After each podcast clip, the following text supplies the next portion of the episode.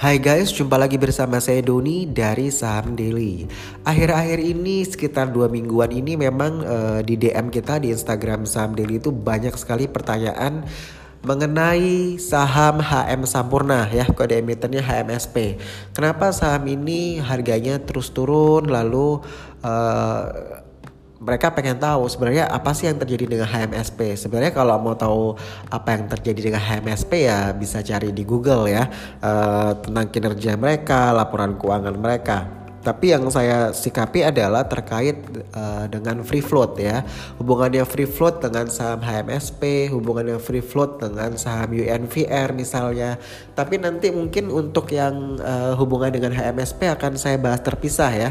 Tidak uh, saya gabung dengan uh, episode podcast yang free float ini. Jadi saya mau menjelaskan dulu mengenai free float itu apa begitu ya. Jadi free float di saham ya kita bicaranya. Free float ini sederhananya adalah jumlah saham minoritas yang beredar dan dapat ditransaksikan di pasar reguler. Jadi uh, saya kasih contoh simpel aja begini. Misalkan ada tiga orang teman yang uh, duduk bareng, mereka uh, punya rencana untuk buat suatu perusahaan. Ambil contoh nama perusahaannya perusahaan ABCD deh, gitu ya.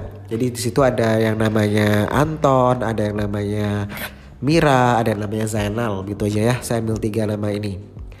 Nah, Anton ini uh, dan Mira dan Zainal ini mereka uh, memiliki impian untuk uh, bisa sukses dengan membuat bisnis sendiri begitu ya. Ambil contoh uh, saham ABCD tadi itu ekuitasnya adalah 5 miliar dengan jumlah lembar saham sebanyak 1 juta lembar saham ya. Uh, jika pemilik mayoritas adalah Anton dengan nilai ekuitas adalah dua setengah miliar, maka Anton ini memiliki 50% lembar saham dari emiten ABCD tadi ya, yaitu sebanyak 500 ribu lembar saham. Lalu Mira, Mira ini dia memiliki 20 per, 20% dari uh, saham ABCD. Kalau 20% berarti dia punya 200 ribu lembar saham ABCD ya. Lalu ada Zainal, Zainal ini memiliki 20,1% saham ABCD. Kalau 20,1% berarti dia punya 201 ribu lembar saham ya.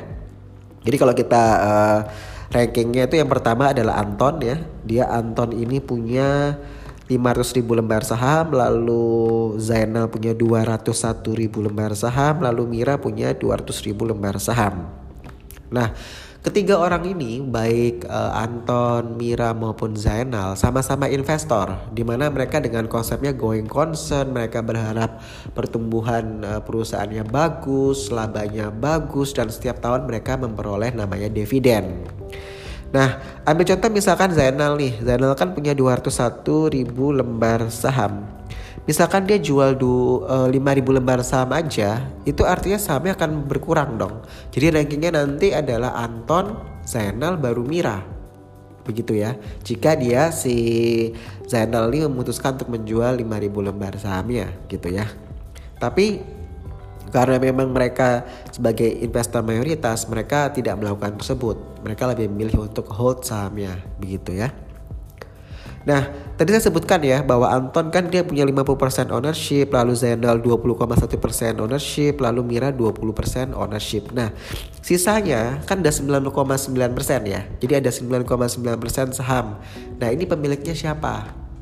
Nah, 9,9% ini kita bilang bahwa uh, merupakan saham uh, pemilik minoritas. Jadi uh, karena kecil sekali kan dibandingkan dengan saham yang dimiliki oleh Anton, Zainal maupun Mira. Jadi kita bilang ini sebagai saham uh, minoritas begitu ya. Yang dimiliki oleh perorangan, jadi retail bisa miliki, institusi bisa, uh, perusahaan lokal bisa maupun perusahaan asing begitu ya.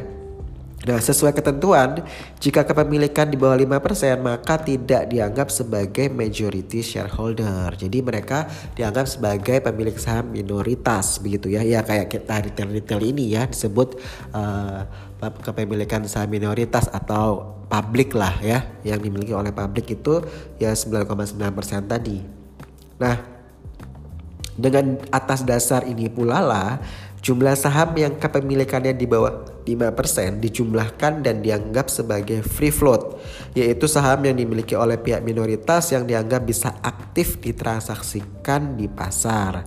Dengan kata lain, pasar hanya bisa bertransaksi di 9,9% sisa saham yang ada tadi, begitu ya.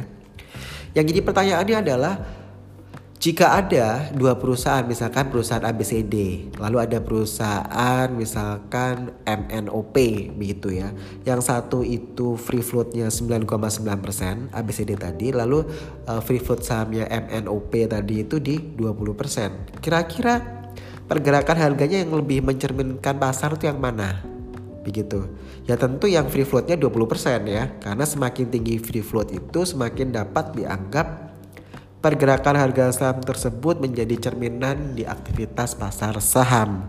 Nah, ini memang yang uh, menjadi suatu sentimen ya, uh, di mana saham HMSP, uh, eh, UNVR ya Unilever uh, akan terkena dampaknya dengan free float ini begitu. Jadi kalau teman-teman uh, pada nanyain mengenai kenapa HMSP, kenapa UNVR harga sahamnya turun, nah salah satu kaitannya dengan free float ini gitu ya. Di mana 1 Agustus nanti itu LQ45 ya itu dia akan free float 100% perhitungannya. Kalau selama ini kan masih 60% free floatnya ya uh, rumusannya.